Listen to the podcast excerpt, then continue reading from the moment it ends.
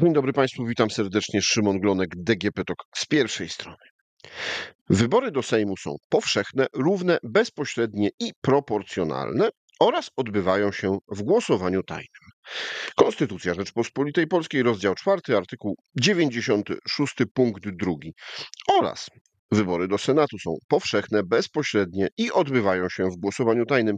Ten sam czwarty rozdział Konstytucji, artykuł 97, punkt 2. E, czy wybory, które odbyły się 15 października 2023 roku, takie były? E, czy można powiedzieć, że wszystkie te demokratyczne standardy zostały zachowane? Między innymi o tym porozmawiam dzisiaj z Sylwestrem Oraczem z Fundacji Odpowiedzialna Polityka. Dzień dobry. Dzień dobry. Państwo obserwowaliście całą kampanię wyborczą i przygotowywaliście materiały dotyczące tego, jak ona wyglądała, ale nie pod względem tego, co politycy obiecywali, ile to będzie kosztowało, tylko pod względem właśnie tego, jak, y, czy ta kampania jest y, równa, czy ta kampania jest demokratyczna, czy w tej kampanii przypadkiem nie są wykorzystywane środki publiczne, które nie powinny być wykorzystywane. Jak to wyglądało? E, tak, to prawda. No, ciężko, myślę, że każdy z nas, kto, kto chociaż troszeczkę śledzi politykę, ciężko nie zauważyć tego, że e, w kampanii pojawiały się środki publiczne w różnym kontekście, ale też nie w kontekście tylko finansowym, ale też w kontekście e, wykorzystywania prawa do wzmocnienia swojej pozycji, do zyskania przewagi nad konkurentami, e, do wzmocnienia też swojego przekazu medialnego, e, więc te nadużycia zasobów publicznych rozumiane tak szeroko, nie tylko jako e, pieniądze, miały miejsce i w tej kampanii i myślę, że jesteśmy do jakiegoś stopnia też przyzwyczajeni, że zdarzały się wcześniej. To, co jest nowe, to, że to jest zjawisko bardzo powszechne, e, występujące na, na różnych poziomach, w różnych obszarach i musimy chyba coś z tym zrobić jako społeczeństwo, żeby sytuacja jednak się trochę poprawiła. Muszę powiedzieć, czy no, dzisiaj e, nagrywamy naszą rozmowę 17 października. Państwowa Komisja Wyborcza podliczyła już wszystkie głosy, znamy wyniki. Możemy powiedzieć, że te wybory spełniły te standardy, że były powszechne, równe, bezpośrednie i proporcjonalne. No i odbywały się w głosowaniu tajnym, bo tutaj też to pytanie się pojawia. To, czy one e, wypełniły te, te standardy, to pozwolę sobie mm, przemilczeć i zostawić do decyzji Sądu Najwyższego, mm, bo jednak e, trzeba uwzględnić to, że obserwacja jest jednak e, ograniczona. Nie, nie mamy wiedzy na temat wszystkich możliwych zdarzeń, które występowały w kraju i za granicą, i nie mamy po prostu pełnej wiedzy co do tego, co się wydarzyło, a, a ta wiedza jest konieczna do tego, żeby ocenić, czy e, w efekcie wybory były przeprowadzone zgodnie z obowiązującym prawem i standardami międzynarodowymi. To, co my próbowaliśmy e, zidentyfikować, to na ile powszechne byłyby przypadki, kiedy te standardy nie są wypełniane. I to, co nas martwi jako obserwatorów wyborów, którzy też widzieli wybory w innych krajach, to to, że w Polsce wybory nie są do końca e, tajne, to znaczy przyjmujemy jako obywatele tajność wyborów jako pewne prawo, które każdy z nas ma, co, co oczywiście można, można, można ku temu znajdować podstawy e, w prawie, e, ale nie przyjmujemy tego jako pewien standard, żeby te wybory jednak były tajne i żeby to była pewna norma, że one są z zasady tajne i że tego w ten sposób my wszyscy się zachowujemy. Co mam na myśli? No w Polsce wybory e, wyglądają często w ten sposób, że mm, rodziny głosują razem za kotarami. E, ludzie głosują na parapetach poza miejscami do tego przeznaczonymi. Nie, nie jest to tylko, bym powiedział, kwestia estetyki pewnej i, i szacunku do majestatu, powiedzmy, tego dnia, ale jest to też kwestia pokazywania naszego ogólnego stosunku do prawa i naszego stosunku do osób, które mogą chcieć zagłosować w sposób tajny, ale jest pewna presja społeczna na to, że, że nie mogą tego do końca zrobić, bo, bo norma jest jednak trochę inna. E, to nie jest dobre zjawisko. To zjawisko nie pozwala osobom, które no, z różnych przyczyn E, są pod wpływem innych osób na to, żeby móc skutecznie i w sposób taki nieostentacyjny okazywać, że chcą zagłosować w sposób tajny. Powinniśmy coś z tym zrobić jako społeczeństwo. Myślę, że tutaj kwestie prawne być może są jakieś rozwiązaniem, ale przede wszystkim my jako społeczeństwo powinniśmy sobie uzmysłowić to, że E, nasza decyzja, czy głosujemy tajnie, czy nie, wpływa też na decyzje innych osób wokoło. I powinniśmy po prostu być bardziej odpowiedzialni w tej, w tej kwestii. Chcę powiedzieć, bo jak Państwo e, przyglądaliście się, obserwowaliście wybory, mieliście też e, kontakt z obserwatorami z kraju, ale też i z zewnętrznymi, z zagranicy. Jak oceniacie sam proces wyborczy, jak oceniacie organizację y, przebiegu wyborów 15 października?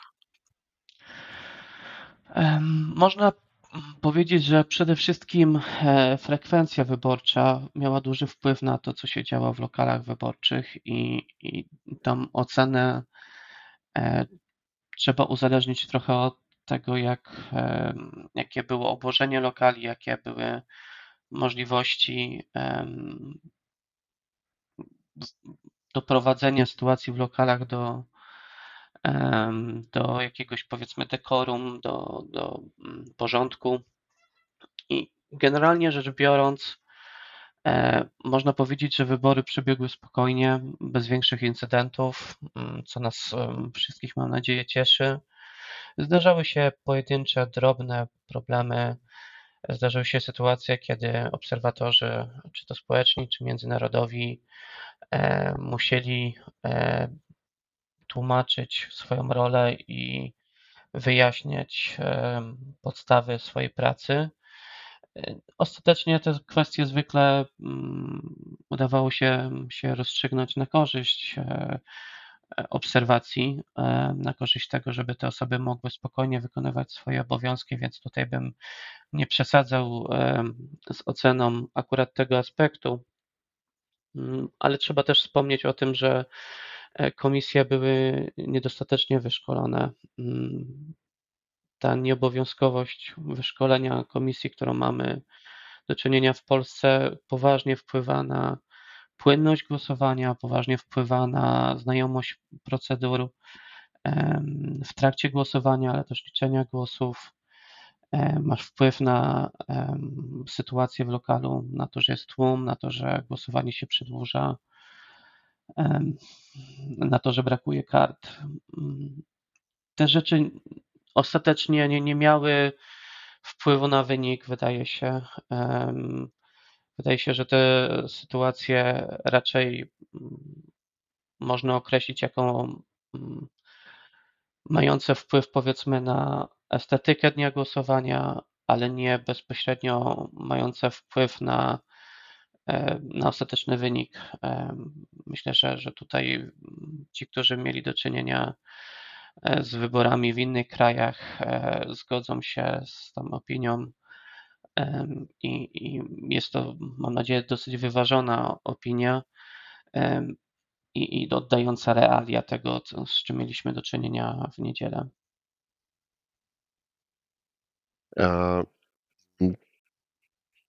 Rozumiem, że wnioski obserwatorów e, no, też mogą być ewentualnie brane przez e, Sąd Najwyższy pod uwagę w momencie, kiedy stwierdza on ważność lub nieważność wyborów. Tak. E, oczywiście obserwatorzy, którzy byli na miejscu, mogą zostać wezwani przez Sąd Najwyższy jako świadkowie.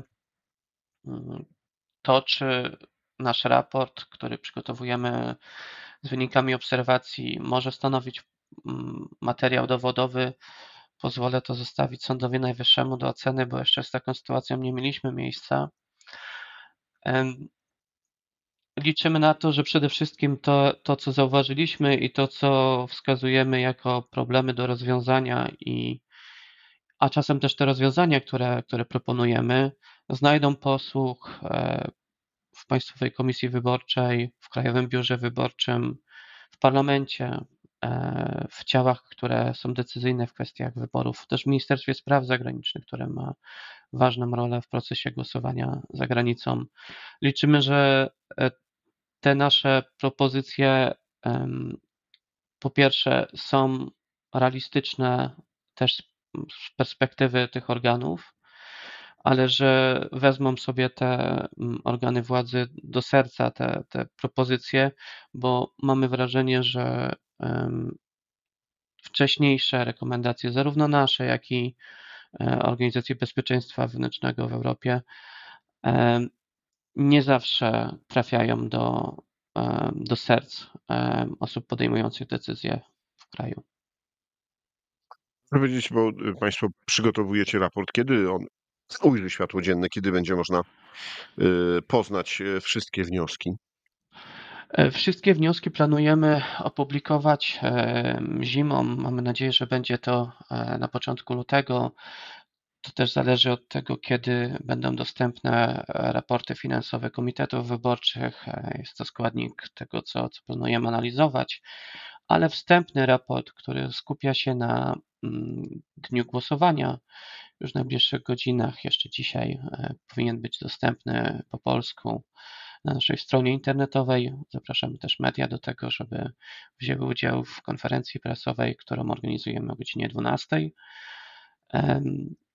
Więc e, mamy nadzieję, że część tych rekomendacji będziemy mogli już nad nimi rozmawiać w najbliższych tygodniach i kiedy e, sformułuje się nowy Sejm, i, i Senat, e, będzie można zacząć pracę nad niektórymi z nich, tak żeby kolejne wybory, e, które będziemy mieli do, do Sejmu i, i na stanowisko prezydenta, e, żeby one przebiegały już w, w zgodzie z nowym prawem uwzględniającym te rekomendacje, a te rekomendacje, Najbliższe które nie... wybory to mamy już w przyszłym roku y, samorządowe i wybory do Europarlamentu, więc y, pewnie dobrze by było, żeby mm, ewentualne wnioski i poprawa tego, co było mm, nie do końca dobrze zorganizowane, może już przy tych wyborach została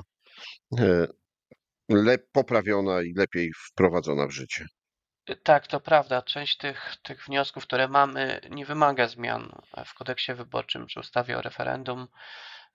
Część tych e, zmian e, jest do wdrożenia bez zmian legislacyjnych, więc mamy nadzieję, że będzie można je wprowadzić jeszcze przed wyborami do Parlamentu Europejskiego, Europejskiego i do um, um, jednostek samorządu terytorialnego.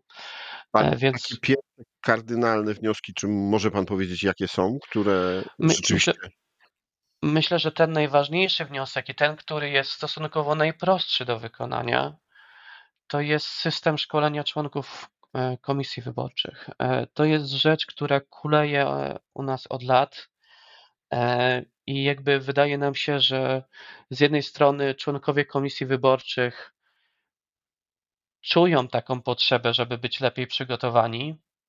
Z drugiej strony nie widzą oczekiwania e, władz samorządowych i, i organów wyborczych do tego, żeby e, brali udział e, w szkoleniach, a już no, wiemy o tym wszyscy, no nie ma żadnego wymagania, obowiązku uzależnienia ich diety od tego, czy są wyszkoleni, czy nie. Nie wiem, czy takie uzależnienie jest potrzebne, ale na pewno wyszkolenie członków komisji jest konieczne. Jest to rzecz, która w Polsce odbiega od tego, co jest przyjętym standardem międzynarodowym.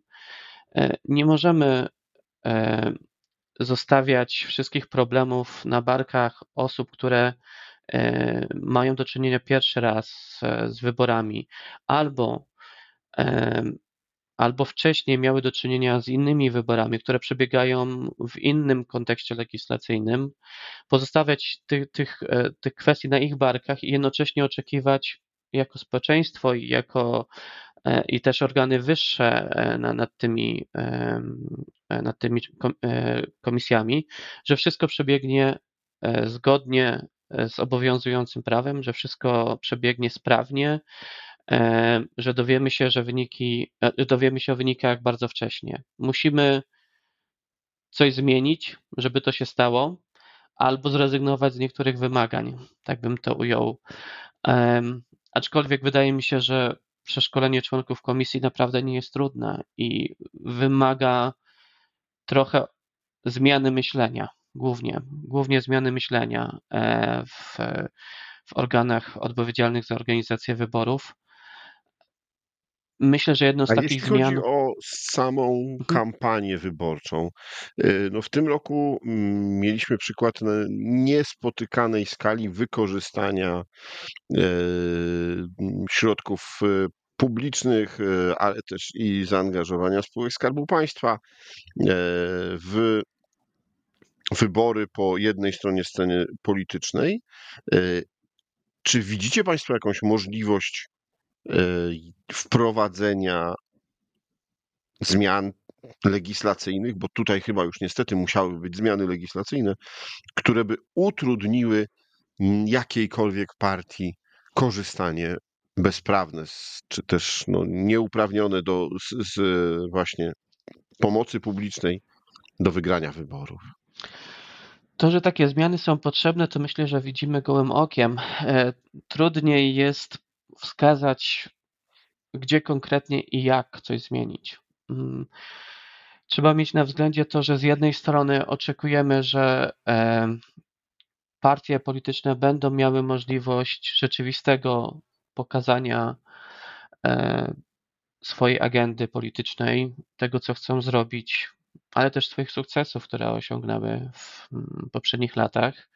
A z drugiej strony chcemy, żeby nasze podatki nie były wykorzystywane do tego celu e, bardziej niż to wynika e, z przepisów mm, już obowiązującego prawa i z tego, że partie mają dotacje i subwencje e, na prowadzenie kampanii i działalności informacyjnej.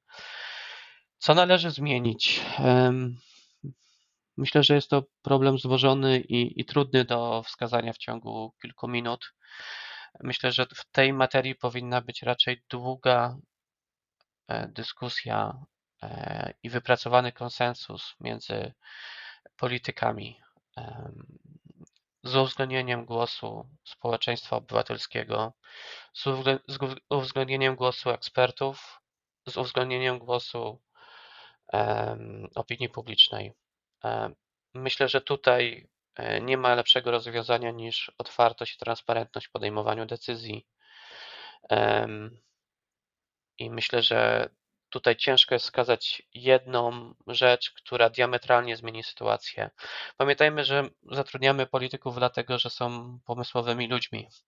I pamiętajmy, że e, to oni uchwalają prawo, e, ustanawiają prawo, i też myślę, że zdają sobie sprawę z tego, kiedy to prawo nie domaga.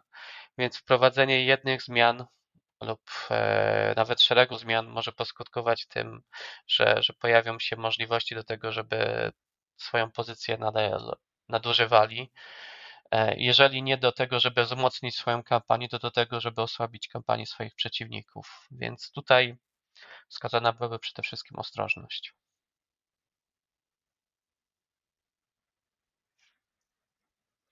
W tym momencie y, jest jeszcze y,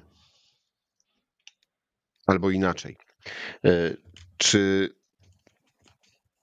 myśli pan, że głosy fundacji odpowiedzialnej polityki albo innych organizacji pozarządowych, które zajmują się sprawdzaniem tego, jak wybory przebiegały, komen- sprawdzaniem tego, jak przebiegała kampania wyborcza, e, będą usłyszane w e, następnej kadencji Sejmu, w momencie, kiedy e, może dojść do jakichś zmian, jeśli chodzi o legislację dotyczącą kampanii wyborczej, wyborów. To jest bardzo trudne pytanie i myślę, że trochę, trochę adresat tego pytania jest może nie najbardziej e, trafny, ale spróbuję się, spróbuję się ustosunkować do tego. E, No, Obserwuje Mam- pan polityków, zna pan polityków, więc e, myślę, że wie pan, czy oni chcą słuchać rzeczywiście, czy będą jednak i, i chcą zmienić to prawo wyborcze, czy będą jednak no, zapatrzeni w swoje tylko, może czasem krótkowzroczne interesy. Ja myślę, że najlepiej można podsumować e, perspektywę organizacji pozarządowych na tę kwestię słowami, że ufać, ale kontrolować. Mm. Myślę, że jest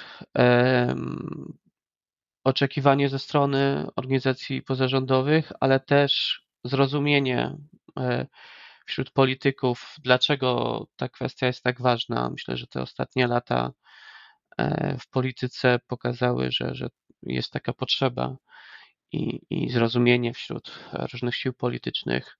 I, i- to po jednej i po drugiej stronie, żeby jasność. Ja nie czuję się kompetentny do tego, żeby oceniać, który z polityków mniej lub bardziej jest skłonny do tego, żeby te, te zmiany wprowadzić.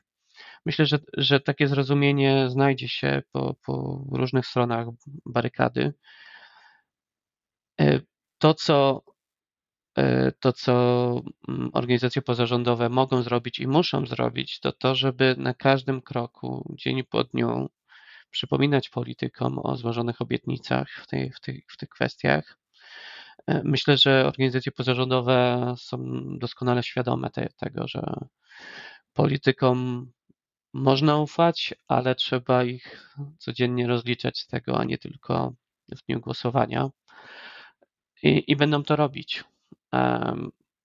Mam taką szczerą nadzieję, a wręcz przekonanie i, i wrażenie, że taka świadomość jest po stronie organizacji społecznych, żeby współpracować z politykami różnych opcji politycznych, żeby sytuacja poprawiała się z kadencji na kadencję, z roku na rok, żeby coraz trudniej było znaleźć takie dziury w naszym prawie, czy takie możliwości w naszym prawie, żeby wykorzystywać je do swoich celów politycznych i tylko do tego, żeby one nie służyły interesowi publicznemu, tylko interesowi jednej opcji politycznej.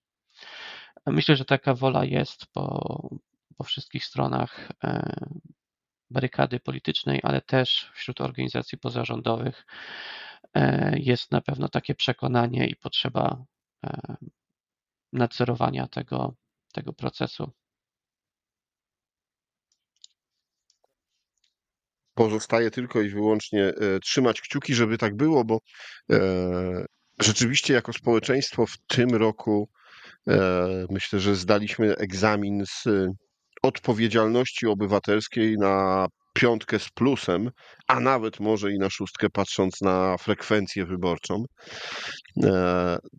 Warto, żeby e, ten e, dobry e, czas utrzymać i żeby społeczeństwo rzeczywiście było mocno zaangażowane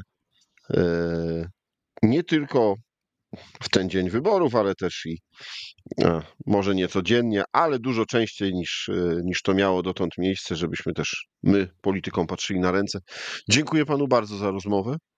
Dziękuję serdecznie za rozmowę. Moim Państwa gościem w e, podcaście DGP Talk z pierwszej strony był Sylwester Oracz z Fundacji Odpowiedzialna Polityka, a rozmawiał Szymon Glonek. Do usłyszenia.